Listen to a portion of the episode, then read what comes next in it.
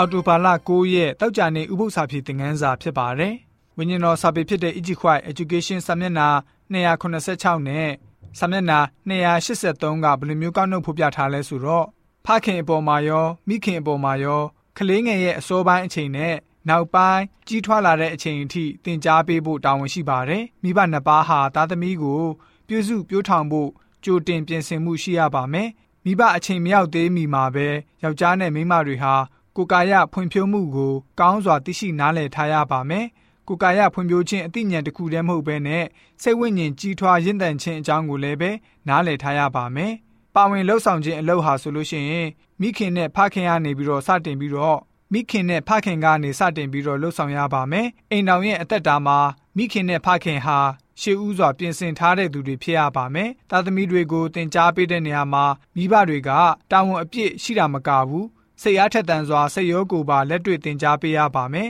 ။ဖះရှင်ကိုစက္ကန့်အနံတက်ဖို့တင်ယူပါ။ဖះရှင်ထံကနေအကူအညီတောင်းခံပါ။တူးဦးကိုကူညီပါ။အဲ့လိုသားသမီးတွေကိုတက်ညီလက်ညီဖះရှင်ကို